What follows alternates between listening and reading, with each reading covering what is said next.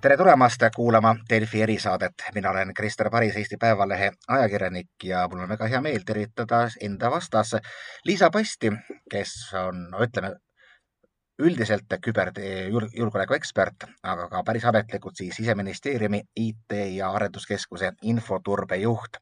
ning kutsusime su siia stuudiosse sellepärast, et jällegi kord on taas põhjust kõneleda sellest, et meie uhke e-riik, mida me üles ehitame, et kui turvaline see kõik üldse on. viimase nädala jooksul tuli siis skandaal, kus tuli välja, et laeti alla umbes kolmesaja tuhande inimese pildid. kellelgi on nüüd olemas väga uhke fotoalbum.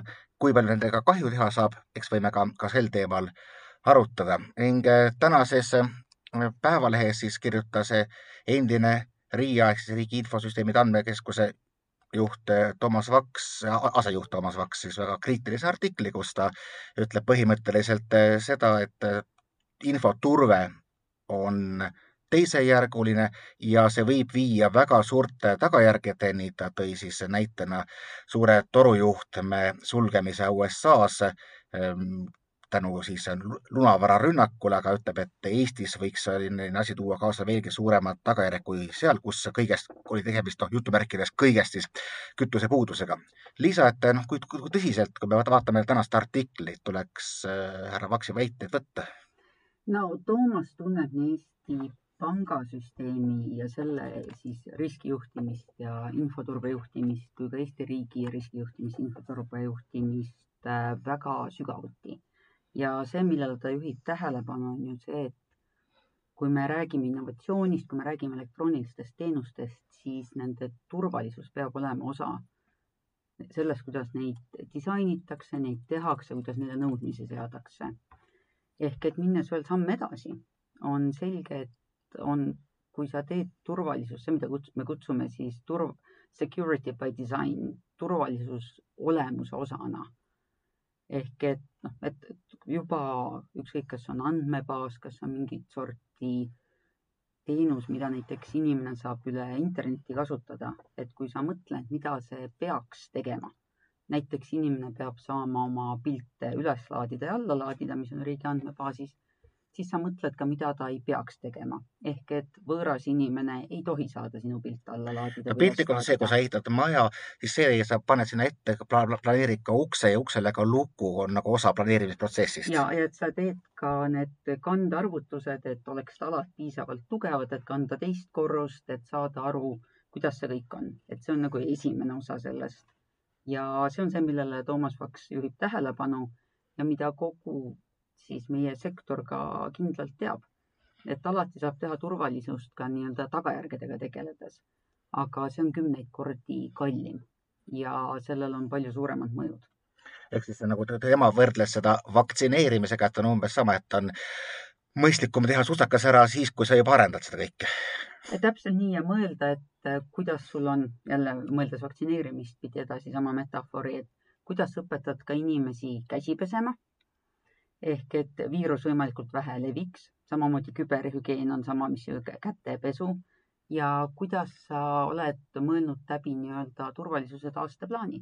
Ehk et mis juhtub, kui midagi läheb halvasti, millised andmed on äh, kuhugi siis taastekoopiasse on ju üles laetud, kus see asub, kuidas ta on nii küber kui füüsiliste ohtude eest äh, kaitstud ja mis kõige olulisem, et lisaks taastekoopia olemasolemisele, sa need sealt ka, kuidas sa kätte saad. inimese enda näide, et enne kui me lähme suure andmebaasi või suure riikliku süsteemi juurde, väga lihtne.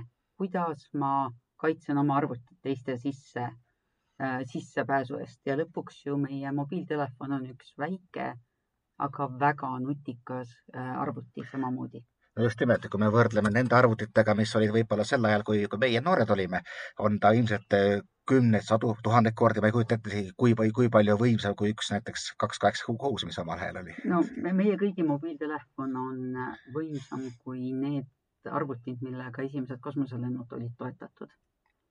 vot niimoodi, aga ikkagi see tuleb siis välja, et noh, kui me kõige sellest, sellest räägime, et, et see, et kõige nõrgem lüli ikkagi on siis, siis inimene, kui ma, ma kuulan igapäevaselt, kuidas jällegi on näiteid, et helistatakse justkui pangast, et olge hea, palun andke oma siis pangakood ja nüüd, kui tuleb teile see Smart-ID sõnum, siis palun toksige ka see kood sisse, me saaksime teie kontot turvata, siis tegelikult see uks tehakse kenasti lahti nendele. Ja inimene kindlasti see, mis on nii-öelda tooli ekraani vahel, et see inimene, kas ta on siis tavakasutaja või ka jälle minnes nende suurte riiklike süsteemide juurde, need, kes on need nii-öelda süsteemi arhitektid, nende kujundajad ja nende arendajad, lõpuks on need, kes määravad, et see arvuti ilma inimeseta on tänapäeval siiski veel suhteliselt rumal masin ja eriti, mis puudutab just süsteemi nõuetesse ja selle disaini. aga nüüd, kuhu on maailm täna jõudmas? Ja ma tean, et sa tahtsid lisaks neile Eesti riigi näidetele rääkida ka nii-öelda Pegasus luurevarast, mis on siis Iisraeli korporatsiooni NSO välja töötatud luurevara, mis kuulab pealt äh, telefone. see ei ole lihtne ja see ei ole odav, vaid see peab olema väga täpselt sihitud ja mille poolest sedasorti luurevara on eriti ohtlik, on see, et see on üks väheseid nii-öelda nullkliki pahalasi see tähendab oleme... seda, et, sa, sa ei, sa ei tee ise ühtegi liigutust, sa ei saa, ei saa teha midagi valesti ega õigesti äh,. täpselt nii, et kui nagu need, mis on sellised massiprobleemid, et äh, pahavara või lunavara, milledest on Eestis juttu olnud, mis on ka Eesti inimeste, Eesti ettevõtete ja organisatsioonide arvutitesse jõudnud. Näiteks krüptolokkeritest on olnud juttu, need, mis siis lõua, panevad süsteemi lukku, nõuavad nii-öelda lunaraha maksmist siis need eeldavad, et inimene on millelegi klikanud, et ta on kas halva lingi või halva programmi kõige sagedamini oma mailbox'is, aga teinekord ka kuskil internetis ise lahti teinud, siis need kõige potentsiaalselt ohtlikumad, aga kõige vähem levinud, sest nad nõuavad kõige suuremat ressurssi kasutamiseks ja, ja ka rahaliselt, et üldse neid omada, on just nimelt need nii-öelda nullkliki pahalased no kõigepealt me saime sellise nullkliki pahalasest teada tänu Edward Snowdenile, kes paljastas siis teise asutuse väga sarnase nimega, muide NSA. No äh, NS, National Security, rahvuslik julgeolek on, on paratamatult suhteliselt levinud kombinatsioon äh, selles turvalisuse julgeoleku maailmas. just, et aga kui me juba sinna, sinnani jõudsime, siis et noh, nüüd, nüüd siis on täpselt olnud ka NSO organisatsioon, kes pakub seda just nagu kommertseesmärkidel. tõsi, ta ametlikult vajab praegu selleks Iisraeli valitsuse nõusolekut selle eksportimiseks, et Iisrael väidetavalt eh, käsitleb seda tehnoloogiat relvana, aga on ju kõik eeldused arvata ja näiteks ka sama Edward Snowden ise ühes intervjuus Ditsaitile väitis, et eh, ilmselt on seda tehnoloogiat eh, ka hoopis rohkem turu peal olemas. ehk jah, ta võib olla praegu veel kallis, aga kui me juba läheme sellise perspektiivi peale, et, et kuidas sulle tundub, et see, mis täna on kallis, on homme masstoodang? ja kahtlemata. Ja üks oluline asi, mida me peame meeles pidama, on see, et tehnoloogia oma olemuselt, ükskõik, kas see on siis pliiats ja paber või see on digitaalne tehnoloogia, on väärtusneutraalne. Ehk et tehnoloogia ei ole ideoloogiline. Aga see, kuidas sa teda kasutad ja rakendad, on ideoloogiline. Algusest peale, on oma õigusriigi normides ja nende rakendajate väärtustes kinni. mis tähendab seda, et kui sa rakendad potentsiaalselt heaks kasutuseks mõeldud tehnoloogiat, näiteks seda, millega tõesti on võimalik ka terroriste ja, ja kurjategijaid siis jälitada, mis teeks jälitustegevuse siseturvalisuses palju lihtsamaks kui sa seda rakendad ilma õigusriigi kontrollita ehk et sul ei ole selgelt määratletud, mis tingimustel seda nii-öelda siis luurevara kasutatakse, kellel on õigus seda kasutada ja mis sanktsioon peab olema, kes peab selle sanktsioneerima, kas näiteks kohtunik või, või prokurör, mis on Eestis, eks kõik on need kontrollid olemas. ja millisel hetkel peab pealtkuulatav saama teadma, teada, et Eestis on ju ka teada, et kui menetluse käigus on inimese kommunikatsiooni pealt kuulatud, äh, sealhulgas kui mitte ei ole siis tema vastu nii-öelda menetluse osaline ei ole tema, aga tema menetluse osalisega vestleb, siis hiljem saab sa teavituse, et see on toimunud ja tal on võimalus minna tutvuma menetlusmaterjalidega. ehk et see on väga oluline, on see, et tehnoloogias on väga palju võimalik, aga tehnoloogiat rakendavad inimesed nii heaks kui halvaks ja inimesed on need, kes loovad reeglid, regulatsioonid ja kontrollmehhanismid. Ja rakendavad mitte ainult inimesed, vaid siis ka suuremalt organisatsioonid ja riigid ja, ja riigid täpselt, et ehk siis, kui see toimub kuskil mm, teise riigi pealinna, pealinna külje all kuskil suvilas, kus neid iganes neid rünnatakse, siis peab kogu, toimuma ka kogu rahvusvaheline kontrollimehhanism, millest ma saan aru, et, et lihtsalt kergema käega lüüa. et see oleneb, on tõesti tõsi, et rahvusvaheline siis nii-öelda õiguskooperatsioon, uurimuskooperatsioon ei ole odav ja seda, mida see täpselt tähendab, oskab kindlasti kõige paremini Eestis rääkida Politsei- ja Piirivalveamet ja nende siis vastavad, vastavad osakonnad.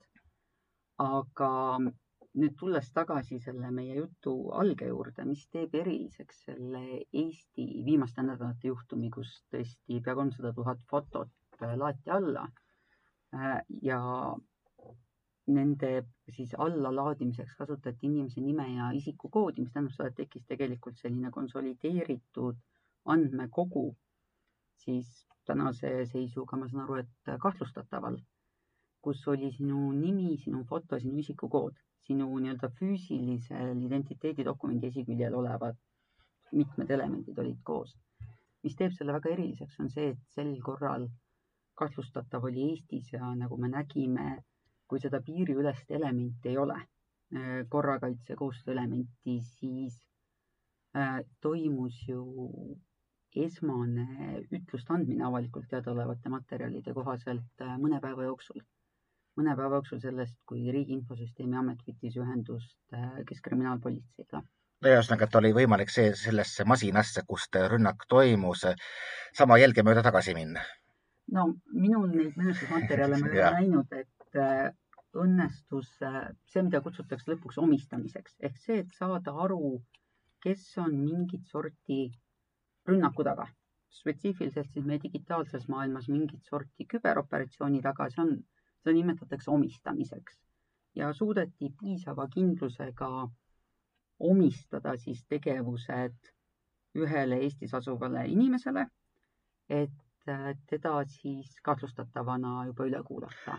ja samamoodi riikide puhul jälle me lähme edasi-tagasi indiviidi ja riigi vahel et riikide puhul samamoodi küberrünnakuid tänaseks omistatakse suhteliselt suure kindlusega ja avalikult ja riikide puhul, kui siis inimesel on see, et sa saad võtta kriminaalmenetluses järgmisi samme ette, siis riikide puhul, kui sa suudad omistada ühele riigile või tema kontrolli all olevatele tegutsejatele, olgu nad siis eraviisilised eraettevõtted, kes on nii-öelda proksid või luureorganisatsioonid, nendest võib-olla kõige tuntumad siis äh, Vene Föderatsiooni välis- ja sõjaväeluure, vastavalt siis FSB ja GRU äh, küberüksused, siis see annab sulle ohverriigi ja tema liitlastena terve usu võimalusi nii-öelda vastusammudeks. ometi on seda võimalik ka ilmselt väga kergesti usutavalt eitada, no nagu ka selle viimase torujuhtme lunavara nõude puhul siis ei süüdistatud Kremlit, öeldi, et kuulge, teie territooriumilt tulevad need asjad. no Biden helistas Putinile mõne päeva jooksul,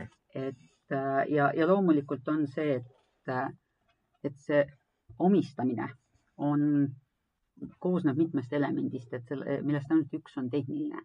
et sa pead tehniliselt piisava kindlusega ja see on see oluline just märksõna on, et mis, kui tugev on kindlus, on ka, kui sinagi oled harjunud ju lugema sageli julgeolekumaterjale ja ka avalikke julgeolekumaterjale, et kas midagi öeldakse väikse kindluse või tugeva kindlusega, sellest sa saad aru, kas arvatakse nii fifty-sixty või pigem nagu ninety-ten, et, et mhm. midagi on omistatud.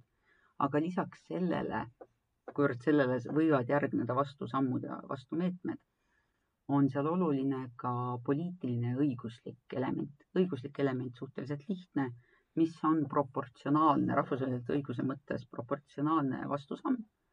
on riikide praktika näitab, et see vastusamm ei pea olema nii-öelda kübermaailmas ehk et on need mhm. vastusammid dip diplomaatilisest demaršidest alates kuni kaubandusembargodega lõpetades või reisikeeldudega lõpetades, mis on ju reaalses maailmas mõjusid omavad kasvõi viimane ameeriklaste siis äh, Vene Föderatsiooni ja tema luurele omistatud valimistesse ja kriitilisse infrasse sekkumine. ja sellel peab olema ka poliitiline mõte, et sa ei hakka midagi omistama just selles suures riikide kübermaailmas, kui sul ei ole seal poliitilist tahet taga usutavus tuli, tõi kuidagi meelde, kus ma kunagi Moskvas küsisin ühe eh, liikumise Naši aktivistilt, kes võttis küberrünnakud Eesti vastu omaks aastal siis eh, kaks tuhat kaheksa. et kuidas te tegid? no ma tagusin nii kaua enter klahvi, et ma koormasin Eesti süsteemid üle, no mis selgelt ei, läinud eh, usutavus alla kuidagi. no see on kolmteist aastat tagasi tänaseks ja mis on võib-olla suur vahe, on see, et sellel hetkel me, meie kogu digitaalne maailm oligi väga erinev ja mina, sina olime mõlemad siis ajakirjanikud, mina siinsamas Eesti Päevalehes, kui ühel hetkel enam ükski võrguühendus ei töötanud. et äh, sellel hetkel kogu Eesti riik ja tema siis selline IT-võimekus tegeles sellega, et hoida süsteemi elus. et, et selleks, et saaks, mina saaks lehte toota materjalid, mis lähevad trükki, et Eesti inimesed saaks lugeda uudiseid või käia internetipangas. isegi kui selle hinnaks, hinnaks, hinnaks oli välismaailmast äralõikamine. et siis täna on sellega, mis hiljem võimaldab nagu teha seda uurimuslikku tööd. Äh, et seda kogutakse palju rohkem ja palju automaatsemalt, siis ei olnud jah, esimene prioriteet oli hoida digitaalne eluviis võimalikult äh, palju üleval. tänasel päeval noh, see, et logitakse seda, mis toimub võrkudes, nii-öelda jääb igast tegevusest jääb äh, jälg maha, mida hiljem on siis võimalik analüüsida, võrrelda ja sellest teha järeldusi. kui me võtame üldse niimoodi küberrünnakud, siis noh, miks, miks seda kõike üldse tehakse, et no üks on lunavaranõuded, sellest saame aru, tehakse selleks, et saada raha siis äh, on võib-olla sellised rünnakud, nagu on, on võinud lugeda, kuidas näiteks Iisrael mm, kasutab oma võimekust, et Iraan ei saaks arendada oma tuumarelva. ja siis noh, et olid ka need rünnakud, mis olid Eesti vastu tollal, oli puhtalt selleks, et häirida elu. et mis nagu selline nagu peamised sihid, mille vastu ennast kaitsta, et noh, ma mäletan jällegi, kui ma mõtlen nagu tagasi väga kaugesse aega, siis tulid ka esimesed arvutiviirused, olid sellised osad väga lõbusad, et hakkasid tähed alla kukkuma ja lõpuks tuli traktor ja lükkas kuskile niimoodi ekraani äärde kokku ja olid teised, mis lihtsalt huligaansetel eesmärkidel kustutasid lõpuks ära kõik su, kõik su failid ja oli väga palju sellist nii-öelda nagu noh, lõbusat oportunistlikku proovimist, et huvitav, mis siis saab, kui ma kirjutan viiruse. eks see on ka täna ja see on tõesti väga kirju maailm, et võib-olla veel üks sammuke tagasi üldse, mida me mida, kui me räägime kas infoturbest või küberturvalisusest, mida me mõtleme. et see lõpuks on kas arvutite, infokogumite, infosüsteemide või siis arvutivõrkude kolme omaduse tagamine. esiteks konfidentsiaalsus ehk et ainult neil, kellel on õigus ligi pääseda andmetele, on, saavad neile andmetele ligi. ehk et noh, mina, sina ja siis teatud riigi osapooled peaksid ligi saama fotodele riigi dokumendifotode andmebaasis. teiseks äh, käideldavus ehk et sa saad andmetele või infosüsteemile ligi nii nagu, nii sageli nagu on vaja või siis, kui on vaja. kriitilise, kriitiliste infosüsteemide puhul, olgu see siis energia, meditsiin, ka muuseas elanikkonna teavitamine ehk meedia, on see nõue käideldavuse osas kättesaadavuse osas seal, nii et maast võib olla ta üks protsent ajast või vähem. mõne teise süsteemi puhul, mis ei ole nii kriitiline, kuivõrd kõrgkäideldavus on kallis, siis no ei juhtu midagi, kui see on ka, ka veidi rohkem maas. täna raadio, raadio või siis Delfi kuulajad ei tea, et me Kristeriga kõigepealt natuke vajutasime kõikvõimalikke nuppe siin ka ka Delfi stuudiosse. ja viimase arvuti ütles ikkagi ei. ja arvuti ütles ei, aga see on selline, see süsteem, kus on, leidsime teise lahenduse. Äh, samal ajal kui näiteks Delfi koduleht oleks maas nüüdseks juba mitukümmend minutit, oleks see suurem probleem. ja viimaks äh, terviklus ehk et sa saad usaldada, et need andmed, mida edastatakse, on tõesed ehk palju suurem probleem kui nende samade dokumendifotode vargus oleks see, kui keegi oleks vahetanud ära nii, et jälg ei jää maha, dokumendi fotod ehk et ei korrakaitsjad, ei kodanikud ei tea enam, ei saa uusi dokumente välja anda, kui sa ei tea, mis on kelle foto, et noh on ju, et eh, dokumendi peale on kirjutatud past, aga fotolt vaatab vastu paris, mine võta kinni, kes on kes. just nimelt, tavasoleva olukorras arvuti ütleb ei ja siis pole enam inimesel isegi võib-olla seda taga, taga, tagateadmist, et öelda, et arvuti eksib. ja küberrünnakud tegelevadki siis ne, ühega nendest kolmest asjast tavaliselt, mõnikord ka kombinatsioonis, et kõige tavalisem, millega me oleme harjunud, mis on ka see kaks tuhat seitse, on äh, mõju käideldavusele ehk et suunatakse nii-öelda siis seda nimetatakse teenustõkestusrünne, DDoS. sellega nii palju päringuid ühe süsteemi vastu, et sinna ei saa enam ligi. see on internetipanku on sageli nii maha võetud. see on sama, kui et pangakontor tavaliselt võtab tunnis vastu kakskümmend klienti, kuuekümnega saab veel hakkama, kuigi on natuke juba hakkab, on ju, õmblused kärisevad nii-öelda. aga kuuesaja kliendi saabumisel ei võta ta enam ühtegi vastu, see on siis teenustõkestusrünne ja see, mis sa küsisid, et mis sorti need ründed on, on, aitab ka aru saada, kellele mis rünne on omani, omane, et raha, midagi, mida sa saad, kas siis raha varastada või varastanud midagi digitaalselt, omastanud, saad ligipääsu millelegi digitaalsele, mis on lihtsasti rahaks tehtav, on need krediitkaardi andmed, on need isikuandmed, on see mingi mahamüüdav andmebaas või on see näiteks ka kellegi nimel reaalsete kaupade, millel on rahaline väärtus tellimine või omandamine, omastamine. On, see on omane kurjategijatele, midagi, kus sa saad haarata, mille, haarata, joosta ja saada selle tulemusena raha. siis riiklikud tegutsejad, ükskõik, kas nad on siis riigi toetatud, riigi, ütleme, motiveeritud või nad on riigi luureüksuste osad tegelevad selliste pikaajalisemate tegevustega, mida selle tõttu, et nad on kannatlikumad ja nende eesmärk on ennekõike kas luurata, näidata mõju, pikaajaliselt saada andmeid või nii-öelda kompromiteerida süsteemi, nii et nad enam ei ole usaldusväärsed, siis nende tegevus on ka palju rohkem radari all. Nad näevad väga palju vaeva, et neid ei, ei oleks näha ja siis ongi, et luuretegevuses, kas konkreetse inimese kohta tehnoloogia, eelmise, eelmisel aastal ju väga palju kuulsime ka sellest nii-öelda vaktsiini ja koroona andmete lekkehirmust, mis ei realiseerunud sellisel määral, nagu võiks karta. aga mida, millest räägiti siis palju. või, või vähemalt, vähemalt, vähemalt me ei tea, et oleks realiseerunud, see on ka vist ja, oluline.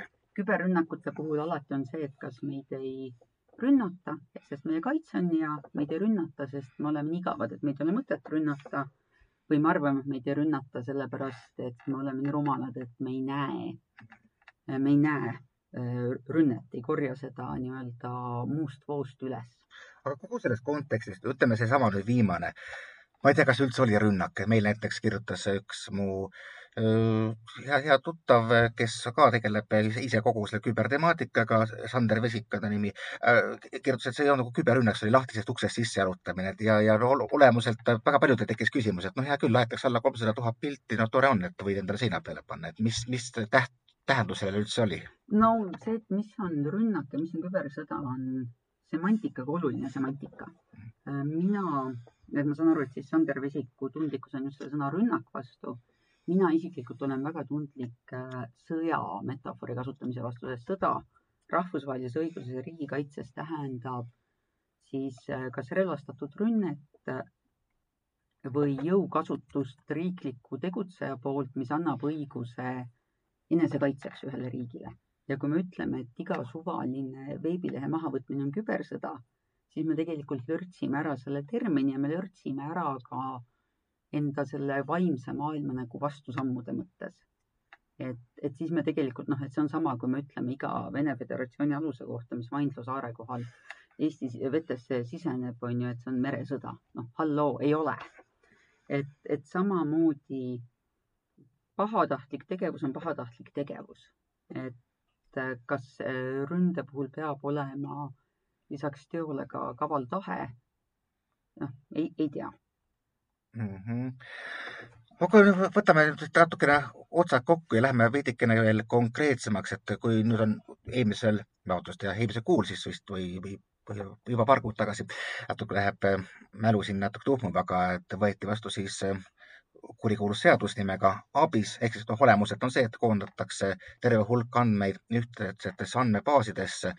et kuidas sulle tundub, et mis on selle äh, mõju just nimelt turvalisusele, ühest küljest on kõik üheskoos, võib-olla on kergem niimoodi turvata, teisest küljest, kui keegi ükskord ukse lahti teeb, siis oi-oi, mis sealt välja paistab.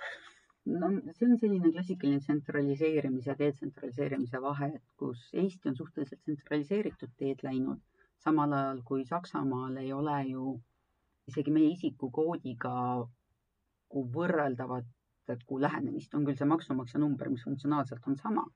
just sellepärast, et äh, Saksa föderaalriigina on väga tundlik kesksete andmebaaside suhtes ja, ja see läheb tagasi nende kahekümnenda sajandi ajalukku, siis Eesti puhul on ükskõik, millise süsteemi me disainime, kas see on siis paberil või see on digitaalne. abis on siis äh, automeeritud biomeetria infosüsteem, on oluline täpselt selle, see järelevalve ja põhi, inimeste põhiseaduslike õiguste kontroll. Et see, et infole saavad ligi ainult need, kellel on selleks õigus, et nad saavad nii palju, nagu on vaja nende töö tegemiseks, näiteks siis, eks täna abises on sõrmejäljed, et sõrmejälgede võrdlemine äh, oleks lihtsam võrreldes sellega, kui olid mitmed erinevad andmebaasid. Sest võib ka juhtuda, et üks inimene, kelle sõrmejäljed, kes Eestisse siseneb alguses viisaga hiljem on siin elamisloaga, hiljem saab kodanikuks. inimene on ju sama, tema sõrmejäljed peaks olema ka samad. et, et selle sidumine on nüüd tänu abisele lihtsam. ka sisejulgeolekus siis uurimistöö on, on lihtsam just selle tõttu, et saab võrrelda äh, nii üks-ühele kui üks-mitmele äh,. ei ole küll ära võetud seal seda inimeksperdi tööd, üks-mitmele sõrmejälje võrdluses ikkagi inimekspert vaatab järele.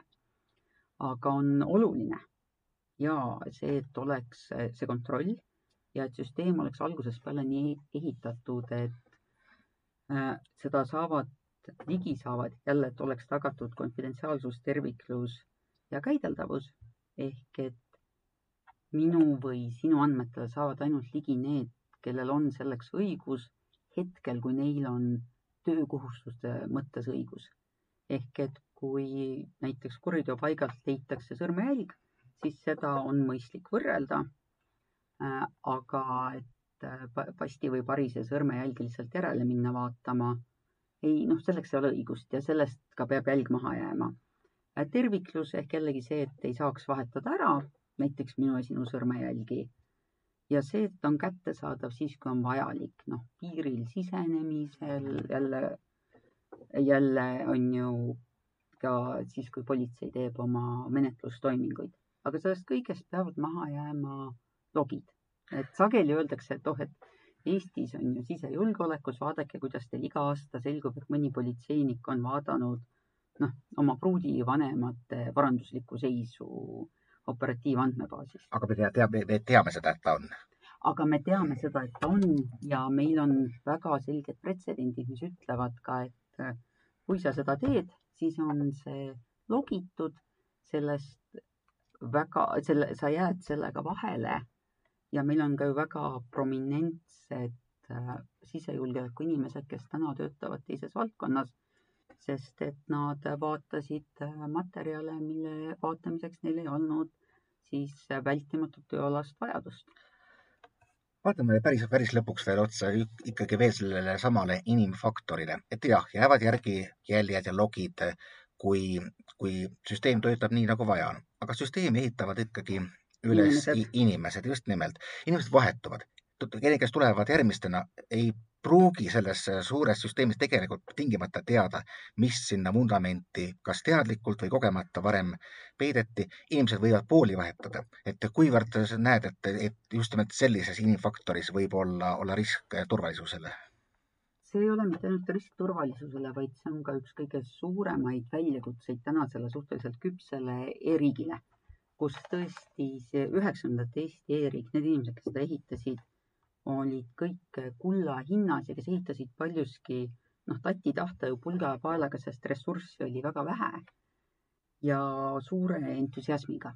mis tähendab ja tehnoloogia elutsükkel paratamatult on väga vähe tehnoloogiat, millel elutsükkel on üle paarikümne aasta, et kasvõi meie laptopid või nendes olev kontoritarkvara on pigem ju selline kolm-viis aastat, no äärmisel juhul seitse aastat elutsükliga. Ja ka suurte riiklike süsteemide elutsükkel paratamatult on selline, et me peame hakkama neid uuendama. ja selleks, et seda teha nii, et on mitte ainult tatt ja tahte jõudnud ehitusplokid, mis on tõesti noh, see, mida tehti üheksakümnendatel kahe tuhandendate alguses riiklike infosüsteemide identiteedi kõigega väga väikse ressursi ja väga suure tahtega on, on imetlusväärne. aga täna on uues kahekümne esimene sajand ja oluline on dokumentatsioon, oluline on see, et süsteem ehitatakse vastavalt neile esitatud nõuetele nii funktsiooni osas kui ka turbe osas. Ehk et nii, et süsteem teeks nii seda, mida ta peab tegema, kui ka, et ta ei teeks seda, mida ta ei pea tegema, noh näiteks mitte autoriseeritud ligipääs või Ameerikas on leitud hääletamismasinaid, mis mängivad Hiina popmuusikat, et see ei ole nagu noh, ta ei pea seda tegema, see on, turve ongi see, et süsteem ei teeks seda, mida ta ei pea tegema. Ja järelevalve kindlasti ka haridus ja haridus alates sellest, et me kasutaja, kasutajale teeme turbe võimalikult lihtsaks, nii et õige asja tegemine on oluliselt lihtsam kui vale asja tegemine. et noh, et need süsteemid on sellised ilusti disainitud ja arusaadavad. Äh, kui ka siis nende inimeste, kes neid süsteeme disainivad, haridus. Alates sellest, et täna suur osa Eesti riigi tegijatest ja minu sektoris siis turbes on äh, noh, sul ei saa tänaseks juhina töötaval inimesel ei saa olla küberturbeharidust, sest seda on antud alla kümne aasta maailmas laialdaselt. ehk et ta on kas kohe, kui sa tahad kogenud juhti, siis tal ei saa olla seda haridust. küll aga saavad tal olla selle valdkonna mingit sorti sertifikaadid, koolitused, ta saab olla õppustel osalenud. Ja seda täna, see on just see arengusamm, mis lisaks juba Toomas Vaksa artiklis välja toodule on väga oluline, et nüüd see e-riigi elutsükkel ja sellest ju ka Toomas kirjutaski just e-riigi tehnoloogia turvalisuse elutsüklist. et me edasi läheks niiviisi, et see on dokumenteeritud, et järgmine inimene saab tulla ja üle võtta, et ei juhtuks seda, et Eit teadisega Eit, nagu sa ütlesid, vahetas külge ja, või, või siis vahetas poolt.